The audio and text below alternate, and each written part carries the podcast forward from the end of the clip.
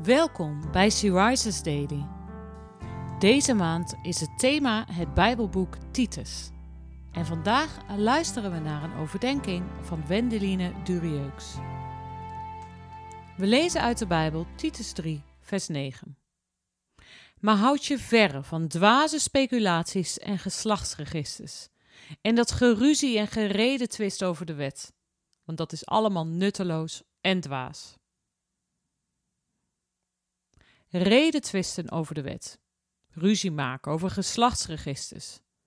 Muggen ziften over punten en komma's. Titus schrijft duidelijk dat we dat niet moeten doen. Het leidt nergens toe. En toch maken we onze schuldig aan. Nutteloos en dwaas. Daar kom je vanzelf achter. In een woordenstrijd over de functie van de wet in onze tijd. Over het tijdstip van de wederkomst. Over de leeftijd waarop gedoopt moet worden. Zijn er alleen verliezers.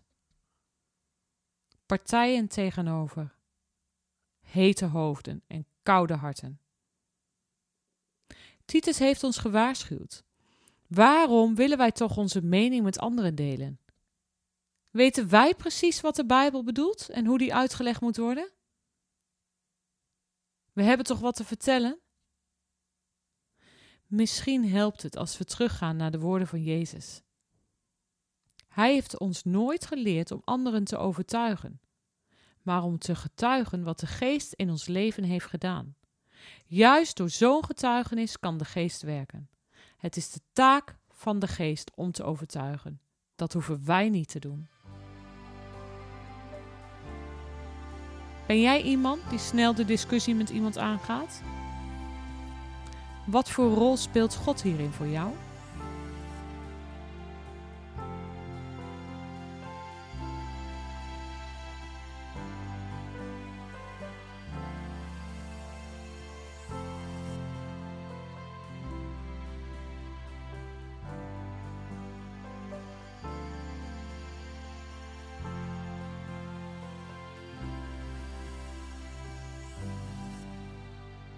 Zullen we samen bidden?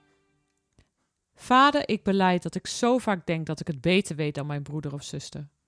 En dat ik in de valkuil stap van het discussiëren, in plaats van dat ik gewoon mijn getuigenis geef.